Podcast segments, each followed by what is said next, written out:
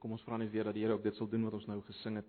Ja Here, ons het gesing dat U gaan gevra dat U ons sal oopmaak vir U woord en die woord vir ons sal oopmaak.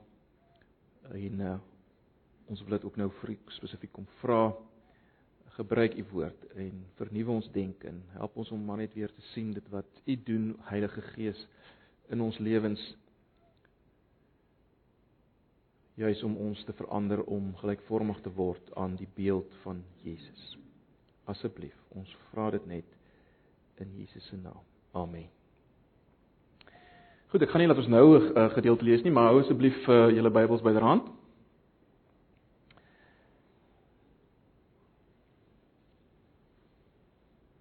Nou, almal van julle was nou nie verlede Sondag hier nie, maar ons het verlede Sondag uh die vraag gevra die vraag vir mekaar gevra of ons in die jaar wat verby is, die jaar waarin ons besig was met geweldig baie uh Christelike aktiwiteite, dinge van die Here, die vraag wat ons gevra het, het ons werklik in die jaar wat verby is verander om gelykvormig te word aan die beeld van Jesus? Het ons regtig verander? Het ons regtig anders gestel die Christelike lewe geleef? Want dis 'n vraag. Uh julle sal onthou ons het gesien, ons het gekyk na uh, Kolossense 2 en 3 en ons het gesien dat Paulus wys vir die ouens in in in die Kolosse gemeente dat die Christelike lewe en verandering vind nie plaas deur net deur die Christelike motions te gaan nie. Die feeste te vier, die dae te hou, ons konteks, eredienste by te woon, selfgroepe en so meer nie. Dit verander jou nie en dit in sigself is nie die Christelike lewe nie. Paulus het ook uh, gewys dat vreemde kom ons noem dit spirituele of geestelike belewings Dit verander jou nie en dit is nie in sigself die Christelike lewe nie. Maak nie saak wat dit is nie. Maak nie saak wat jou belewing is nie. En dan het ons in die derde plek ook gesien dat Paulus wys dat streng godsdienstige reëls en regulasies uh ook dit verander jou nie noodwendig nie. Ook dit is nie in sigself al daai reëls en regulasies wat jy vir jouself maak, dit in sigself is nie die Christelike lewe nie.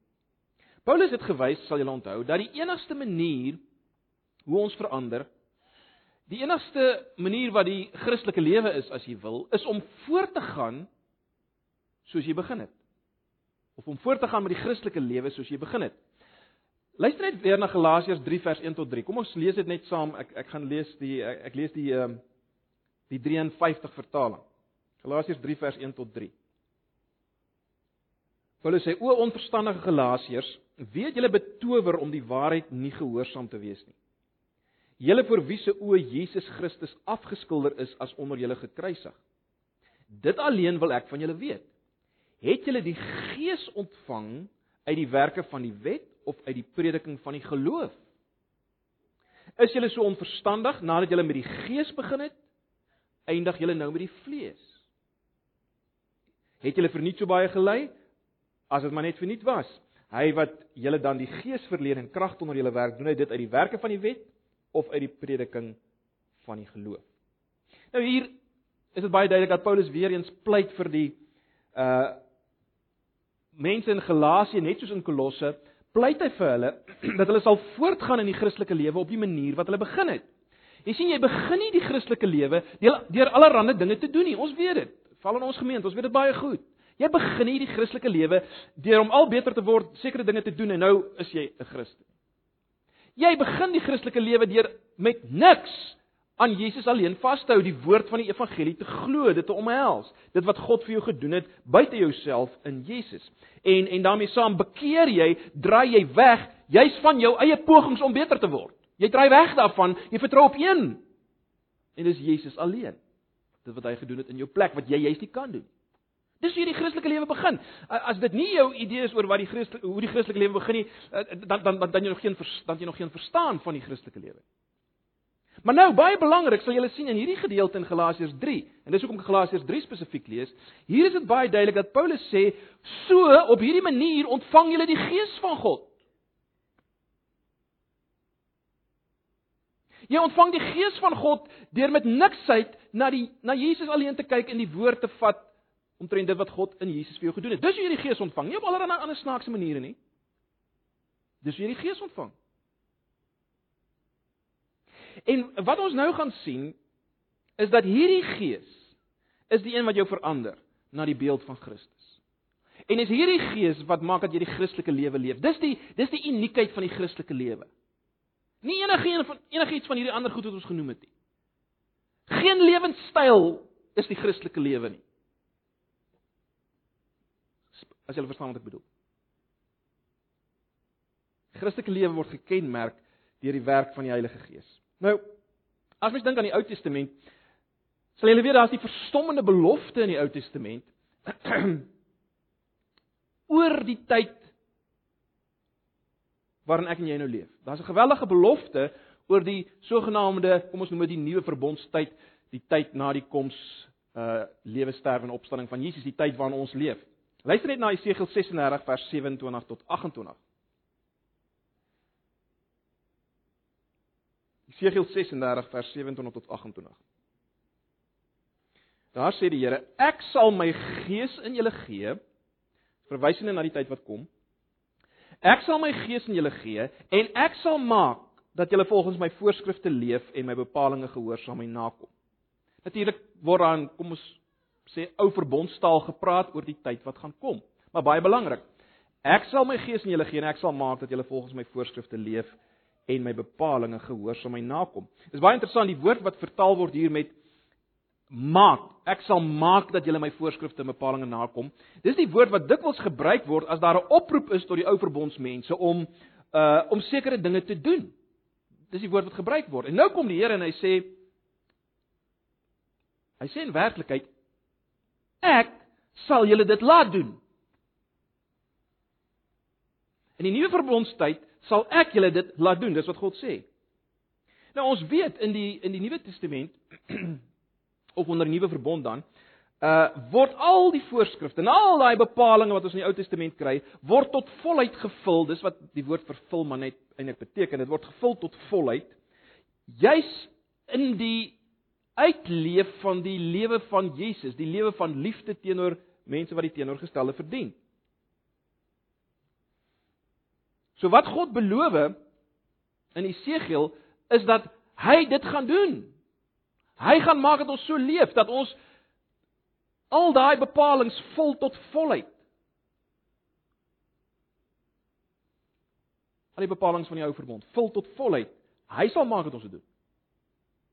Met ander woorde, verandering of as jy wil die Christelike lewe is God se werk, God die Gees se werk.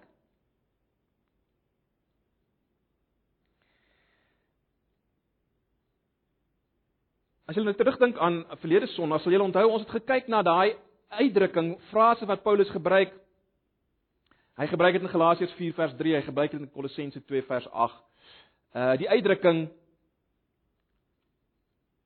83 vertaling wettiese godsdienstige reëls. Hy sê jy moenie meer leef volgens die wettiese godsdienstige reëls nie. Die 53 vertaling praat van die eerste beginsels van die wêreld. Moenie meer leef volgens die eerste beginsels van die wêreld nie.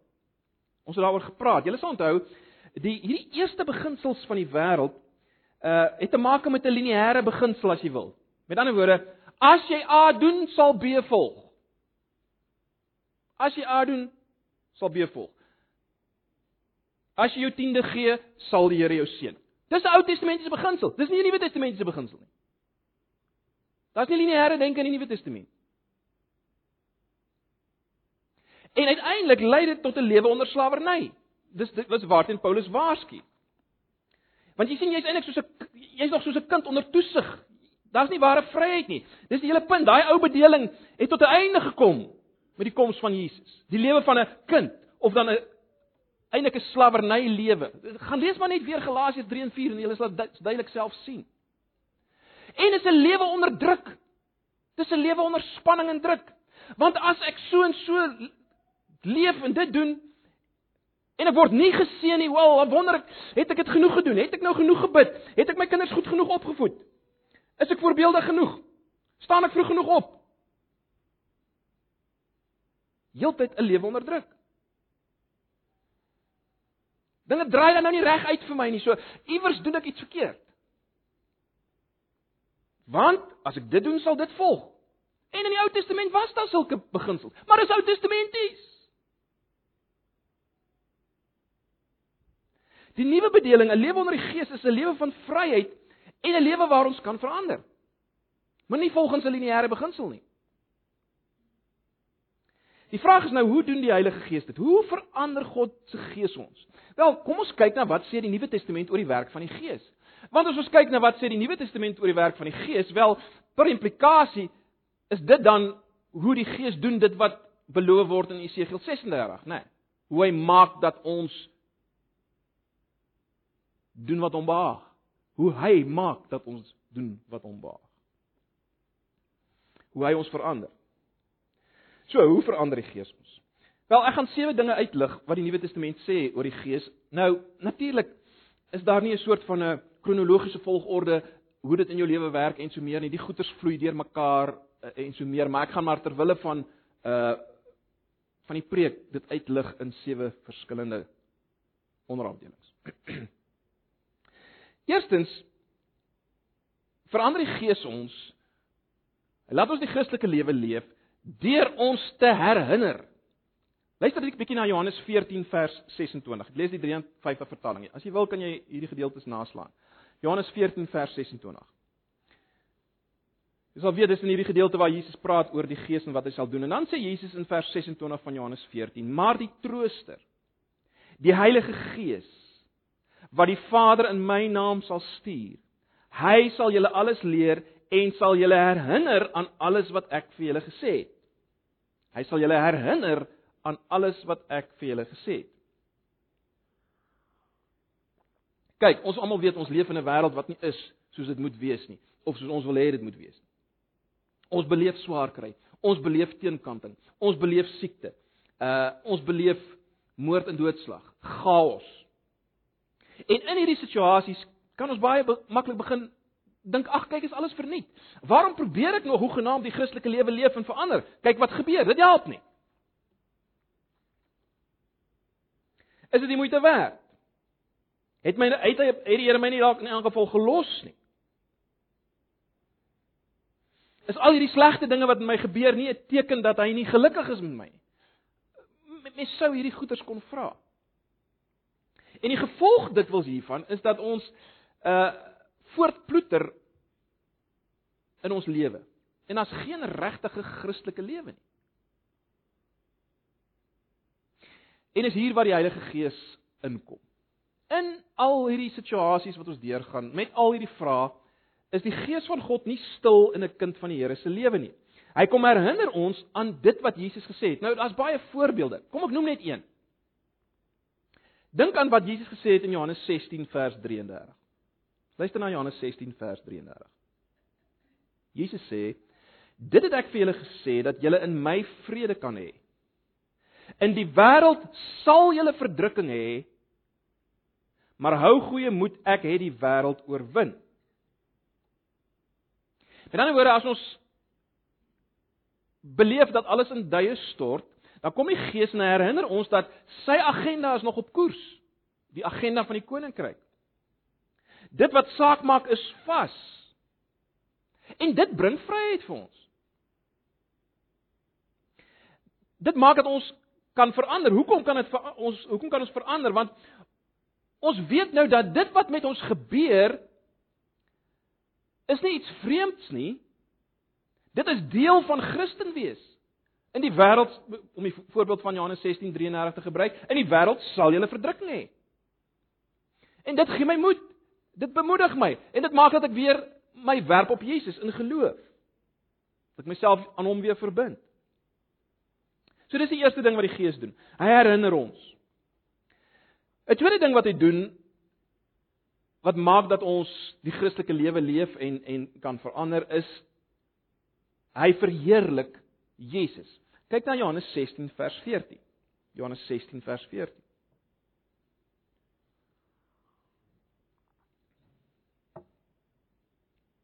Baie interessant as mens kyk na hierdie vers. Ons is geneig om net te kyk na die gedeelte hy sal my verheerlik. Maar kyk wat sê hy in hierdie vers, vers 14. Jesus sê hy, dis die Heilige Gees, sal my verheerlik. Maar luister nou omdat hy dit sal neem uit wat aan my behoort en aan julle verkondig. So die die Gees verheerlik Jesus deur dit wat aan Jesus behoort te vat. Wat behoort aan Jesus? Wel dit wat hy verwerf het deur sy lewe, dood en opstanding, sy ewige waarde, sy liefde vir God en mense, die volkomme verlossing wat hy bewerk het deur sy lewe, dood en opstanding. Die Gees vat dit wat aan Jesus behoort en hy verkondig dit aan ons. Op verskillende maniere natuurlik, deur die geskrewe woord self. Maar ek is oortuig ook op meer direkte wyse. Uh kom ek stel dit so, die Gees kom as te ware uh by wyse van spreuke en hy hy fluister in ons oor jy's aanvaarbaar vir God. Hy het jou volkome gemaak. Jy kan nie meer aanvaarbaar wees nie. Jy kan nie minder aanvaarbaar wees nie. Hy het vir jou alles gedoen. Jy sê geliefde. Hy sing oor jou met vreugde om die taal van Sefanja te gebruik. En die Gees kom doen hierdie werk. Hy hy kom verheerlik Jesus op hierdie manier deur dit wat aan Jesus behoort aan ons te verkondig. Hy doen dit in tye wanneer ons juis uh wonder of God gelukkig is met my. Gaan ek hom nie weer teleurstel nie. Maak ek dit? Probeer ek hard genoeg? Tye wat ek wil opgee. Jy sien hy doen dit in in daai tye wat ek nie probeer om so seer my lewe te verbeter nie. Maar as ek juis kom hom net te ken. In daai situasie kom hy en hy verheerlik Jesus. Deur dit wat aan Jesus behoort aan my te verkondig. 'n Derde ding wat die Gees doen, hy stort die liefde van God in ons harte uit. Kyk net na Romeine 5 vers 5 of luister na Romeine 5 vers 5. Paulus sê en die hoop beskaam nie omdat die liefde van God in ons harte uitgestort is deur die Heilige Gees wat aan ons gegee is. Dit is dikwels baie moeilik om te glo dat enige iemand ons liefhet in hierdie lewe. Dikwels.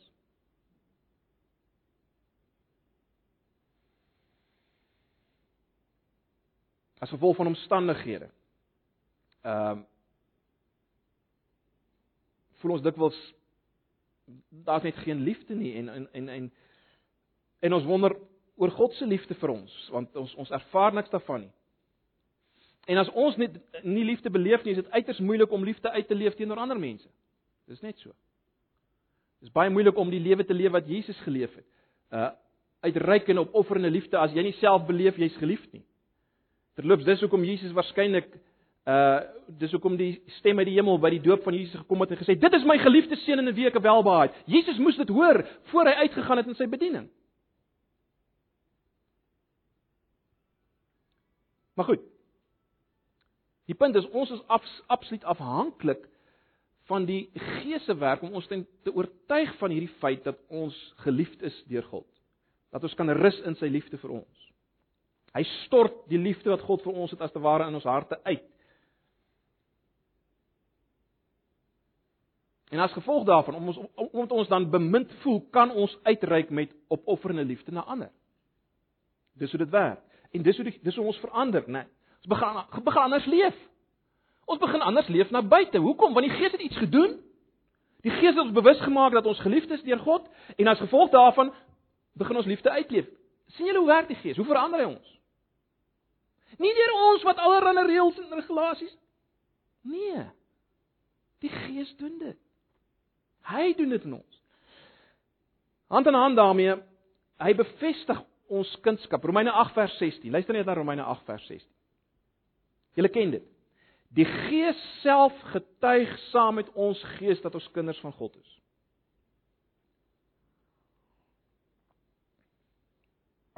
Ons weet dikwels kognitief dat ons kinders van God is. Op grond van die beloftes en is reg. Ons moet die beloftes vat. Ons moet dit kognitief glo. Maar ons het meer nodig as mense. Ons het nodig dat die Gees saam met ons gees getuig jy is kind van God. Dat hy ons bewyse van spreuke optel en vasdruk sodat ons bewus raak daarvan. Hy doen dit. Christelike lewe is nie net 'n kognitiewe lewe nie. So dis wat die Gees doen. Hy bevestig ons dat ons werklik kind van God is en as ek weet ek is om weer die beeld te gebruik wat ek al baie gebruik het, as ek weet ek is in die span, dan kan ek goed speel. Dan begin ek leef. Want ek is nie heeltyd met my hand op my pols. Is ek in? Is ek uit? Nee, ek is in. En dan begin ek die Christelike lewe leef. So dis nog 'n manier hoe die Gees veroorsaak dat ons verander. So hy doen dit deur die uitstorting van God se liefde in ons harte. Hy doen dit deur die bevestiging van ons kindskap. In Efesiërs 1:13 is daar nog iets wat die Gees doen.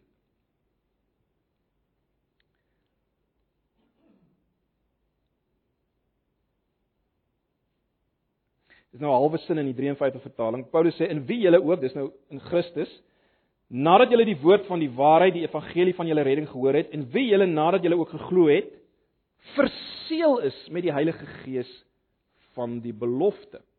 Verseël is met die Heilige Gees van die belofte.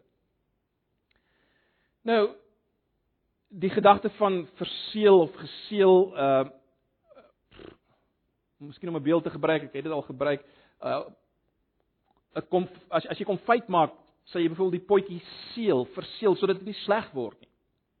Nou die punt is die Heilige Gees doen daardie werk. Hy verseker dat ons gaan verander na die beeld van Christus. Al is dit deur baie tye van laagtes en worsteling en sonde en swakheid, hy gaan dit doen. Hy het ons verseël. Hy sal sorg dat ons daar kom. Hy hy, hy sal sorg dat ons nie gaan sleg word op pad nie. Om die, om die beeld te gebruik. Nou ons ons uh, ons weet dit nie altyd nie. Ons is nie altyd bewus daarvan nie. Want wat jy sien, hy self is daardie seël.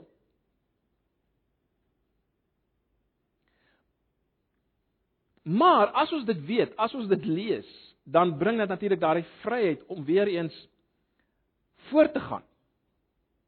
Om weg te draai van dit wat nie pas by my nuwe identiteit nie, want ek weet hy gaan dat ek daar kom. Hy sal dat ek nie sleg word nie. Ek gaan die einde bereik. Jy sien dis hoe die Gees werk. Dis die manier hoe hy ons verander, nie deur allerlei reëls en regulasies en motions en so meer nie, deur dit wat hy doen in ons en aan ons en met ons. Alles wat ons nou al genoem het, sal julle sien, hy hy hy laat ons anders dink. Hy oortuig ons van sekere dinge en dit bring 'n verandering. Ag, en ons is self nie eers altyd bewus daarvan uh, dat dat hy hierdie verandering bring nie. En dat ons anders begin optree nie, maar dit dit gebeur en dit gebeur oor tyd. 'n Sesde ding, ons nog net nog net twee oor hand aan hand met hierdie seël kom die Heilige Gees en hy help ons om die Christelike lewe te leef om te verander deurdat hy deurdat hy self die die eerste deposito as jy wil is van dit wat sal kom. Luister na 2 Korintiërs 1 vers 21 en 22.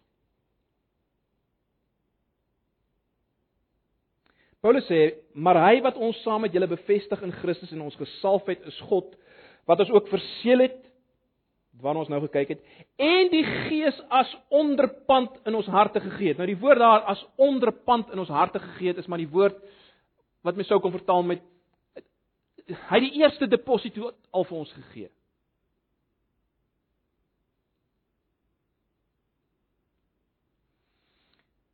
Met ander woorde, die Gees self is die bewys dat al die ander dinge wat God beloof het nog gaan kom. Die Gees self is die bewys en en in ons lewens werk dit waarskynlik so. Partykeer, juis wanneer ons dit die minste verwag, juis wanneer ons baie keer platgeslaan is in worstel en sukkel met wie ons self is, dan kom die Gees en hy maak ons bewus op een of ander snaakse manier baie keer dat hy is daar. Hy's werksaam in ons lewens. En, en en dit bring 'n soort van 'n tinteling in jou en 'n bewustheid, "Wow, daar is iets." En die punt is as daar iets is, as die Gees daar is, hy is die eerste deposito van alles wat gaan kom. en dit is baie belangrik. En weer eens, dit het 'n effek op ons. Dit maak ons vry van ons eie geworstel om self te verbeter En dit maak dat ons met vryheid kan optree teenoor ander en bietjie buite onsself kan dink en kan uitreik en kan gee Dis die Christelike lewe, die lewe wat Jesus geleef het. Jy sien ons kan dit doen, hoekom? As gevolg van die werk van die Gees. 'n Laaste ding wat die Gees doen, is dit wat ons kry in Johannes 2 vers 20 en in vers 27 van Johannes 2. Hy salf ons. Luister hier. En julle het die salwing van die Heilige Gees en weet alles. En die salwing wat julle van hom ontvang het, bly in julle en julle het nie nodig dat iemand julle leer nie, maar soos dieselfde salwing julle aangaande alles leer, so is dit ook waar en geen leuen nie en soos die julle geleer het, so moet julle in hom bly. So ons het 'n salwing, die Heilige Gees salf ons. Nou is baie interessant as mens terugdink uh weer eens aan Jesus. Jesus is as ware gesalf deur die Heilige Gees by sy doop. En ek het vir julle gesê, waarskynlik daar het hy bewus geword van die feit dat hy werklik kind van God is, werklik geliefd is voor God en dis hoekom hy dit kon doen wat hy gedoen het. Dis hoekom hy uitreikend kon leef. Maar meer as dit het, het daar iets gebeur daar. Hy's toegerus en en as ons wil weet wat dit is, dan moet mens in 'n sin kyk na Jesaja 11. Luister net na Jesaja 11 vers vers 2 spesifiek. Jesaja 11 vers 2. En op hom. Dit is nou hierdie takkie wat sal uitsprei uit Isaia wat ons weet verwys na Jesus. Jesaja 11 vers 2 sê en op hom sal die gees van die Here rus, die gees van wysheid en verstand, die gees van raad en sterkte, die gees van kennis en van die vrees van die Here. So die salwing van die gees wat ons ontvang is is niks anders as om as te ware hierdie dinge te verkry nie. Die die passie en die wysheid van wat Christus gehad het wat gemaak het dat Christus in elke situasie, hoe negatief dit ook al mag gewees het, opgetree het die teenoorgestelde. Met ontferming, met liefde. Die Gees het ons daarmee gesalf. As ons kyk na alles wat ons nou gesê het, broers en susters, doen die Gees dit wat ons lees eh, waarvan ons lees in Johannes 15, ons het baie al daaroor gepraat. Ons dra die vrug wat Jesus gedra het. Luister net weer na 1 uh, uh, ekskuus na Johannes 15 vers 1 tot 3. Ek is die ware wingerdstok en my Vader die boer. Elke loot aan my wat nie vrug dra nie, sny hy af, maar elkeen wat vrug dra, snoei hy reg sonder dat sodat dit nog meer vrugte dra. En dan gaan hy aan in Johannes 15 en hy sê bly in my, sonder my kan julle niks doen nie. Ekskuus, ek het nou net die gedeelte hier. Uh Kom ons lees net die miskien die uh die res van Johannes 15. Kyk, luister na vers 4 van Johannes 15. Bly in my soos ek in julle. Net soos die loot geen vrug kan dra van homself as dit nie in die wynstok bly nie, so julle ook nie as julle in my nie bly nie. Dis Johannes 15 vers 4. So Jesus sê ek is die ware wingerdstok. Vader landbouer, bly in my. As julle nie in my bly nie, kan julle geen vrug dra nie. Ons het al baie vir mekaar gesê hy verwys as hy praat van ek is die ware wingerdstok, verwys hy na 'n ander wingerdstok wat op 'n stadium bestaan het, Israel. Gaan lees Jesaja 5 waar God sê Israel is my wingerdstok. Maar ek het verwag dat hulle sal druiwe voortbring, maar is was suurdruiwe. Wat kan ek nog meer vir hulle doen? Israel onder die ou verbond kon nie die vrug dra wat God verwag het nie. Die ou wingerdstok, die ou wynstok, Israel kon nie vrug bring nie. En dis die belofte vir die nuwe verbond. Nou is dit moontlik. Maar hoe hoe dra ons hoe bly ons in Jesus en hy in ons en dra ons vrug? Wel dis waar die Gees inkom.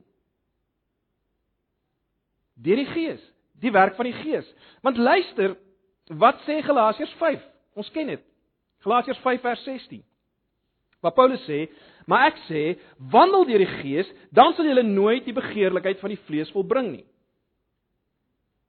Vers 17, want die vlees begeer teen die gees en die gees teen die vlees en julle en dit staan teenoor mekaar sodat julle uh nie kan doen wat julle wil nie. Maar as julle deur die gees gelei word, dan is julle nie onder die wet nie. En luister nou na vers 22 van Galasiërs 5. Maar die vrug van die gees is liefde, blydskap, vrede, lankmoedigheid, vriendelikheid, goedheid, getrouheid, sagmoedigheid, selfbeheersing. Eh, terloops, is interessant in Galasiërs In Galasiërs 5 skep Paulus heeltyd hierdie kontras. Wet is gelyk aan vlees.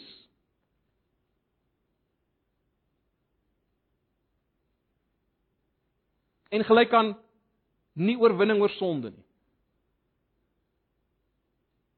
Gees is gelyk aan oorwinning oor die oor die vlees en oor sonde. Alles wat Paulus hier noem, uh die vrug van die Gees, liefde, blydskap, vrede, lank lankmoedigheid, vriendelikheid, goedheid, getrouheid, sagmoedigheid, selfbeheersing. Al daai dinge is natuurlik maar net ook weer aspekte van liefde, né? Nee. Dit wat Christus gehad het. Dit wat Christus gehad het ook in teenkanting, in swaar kry, in beledigings, as dinge nie regloop nie. Was daar lankmoedigheid, getrouheid, selfbeheersing, sagmoedigheid en en so meer. Dis die werk van die Gees. So die Gees doen al hierdie dinge wat veroorsaak dat ons in Jesus bly. Want ons gaan dan heeltyd terug na hom toe want ons het vrymoedigheid, ons word verbind aan hom, ons bly in die wingerdstok, ons begin vrugte dra wat onder die ou verbond nie gedra kan word nie. En dis die werk van die Gees. Ons bly in, in Christus want die, die Gees werk in ons. Hoe bly ons in hom? Wel Paulus sê wandel deur die Gees. Hoe wandel ons deur die Gees? Wel, terug na hoe ons begin het. Deur die geloof.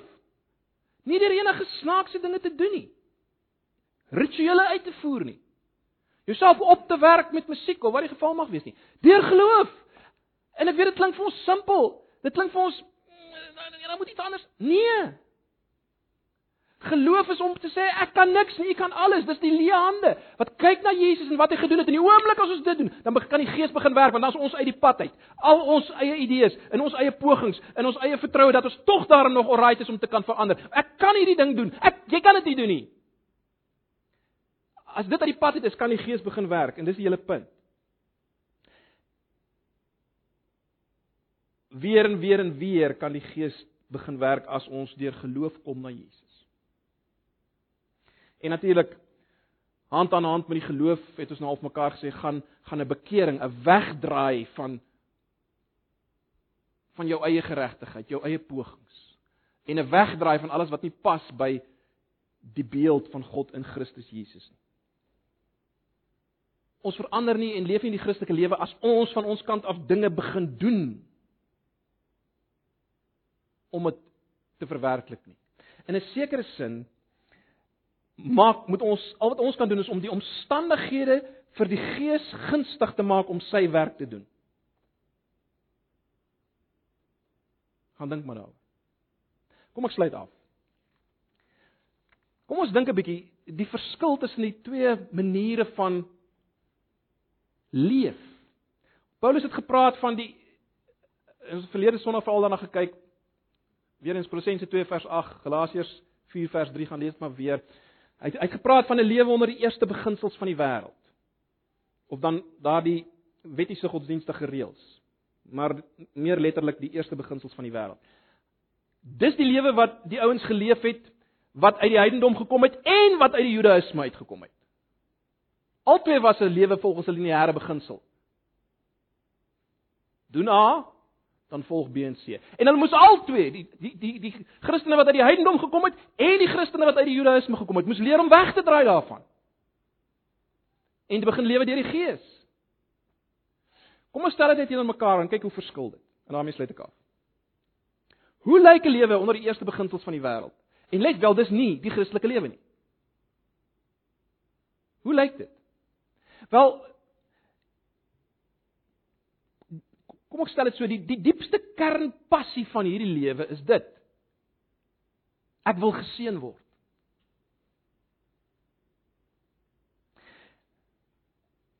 My kernbelewing, met ander woorde, dit waartoe ek elke dag oorheers word is, ek moet dit reg kry.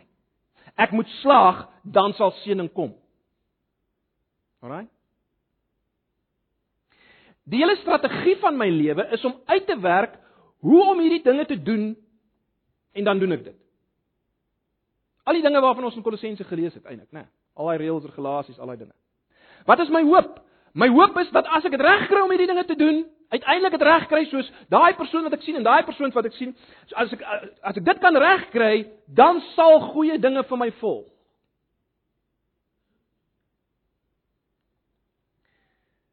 Wat is my kerningesteldheid met ander woorde? Wel, my kerningesteldheid is eintlik my wil moet geskied. My wil naamlik ek wil naamlik dat ek wil geseën word. My wil moet geskied. Waartoe lei dit? Dis 'n lewe van druk en spanning. Want elke keer voel ek maar ek iewers doen ek iets fout. Iewers maak ek dit nie. Iewers is ek nie genoeg toegewyd nie want kyk, die dinge loop verkeerd.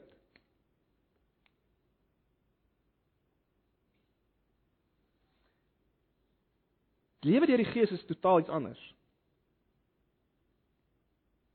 My kernpassie is nie om geseën te word.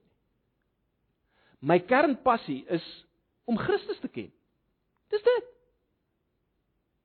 Of hy my seën of nie. Dis om Christus te ken. My my elke dag se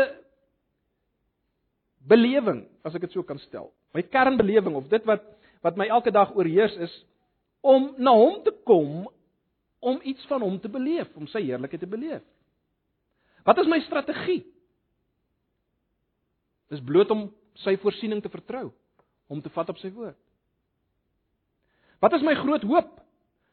My hoop is nie om geseën te word nie. My hoop is nie dat dit gaan beter gaan nie. My hoop is om soos Jesus te word. Wat kan beteken dat dit baie slegter met my gaan gaan as wat dit nou gaan. Dis 'n groot verskil. Wat is my kerningesteldheid met ander woorde? Nie laat my wil geskied nie, maar laat U wil geskied. En dit lei tot vryheid en lewe en vrug. Daar's nie meer spanning nie. Daar's nie meer druk nie.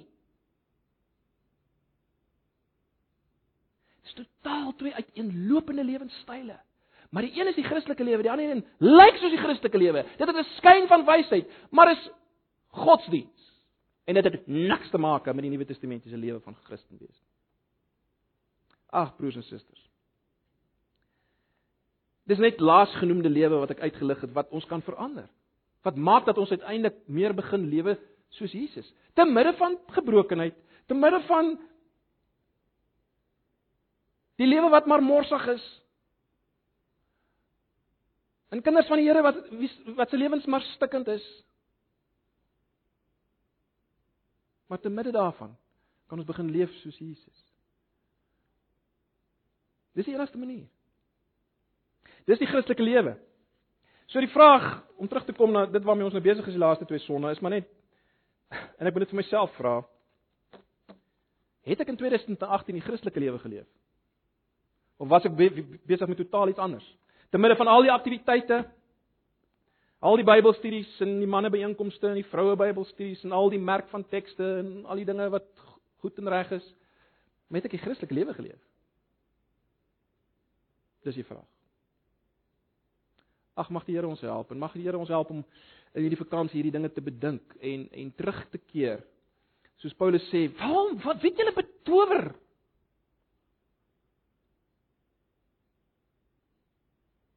Om nou weer hierdie kant toe te voeter. Gaan aan soos julle begin het. Mag die Here ons help. Kom ons bid saam. Here, dankie vir u woord. Dankie vir die vrymakendheid van u woord. Dankie dat ons volgens kan weet dat ons kan absoluut geseënd wees in Jesus al loop alles verkeerd in ons lewens.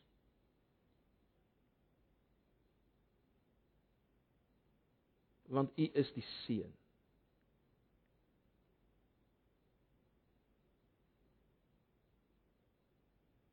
Ag Here, ons bely ons verkeerde denke. Ons bely ons selfgerigtheid. Ons behoefte om eintlik maar alles om ons te laat draai sodat ons gelukkig kan wees en sodat dit kan goed gaan met ons en sodat mense van ons kan hou en alles waarmee saamgaan.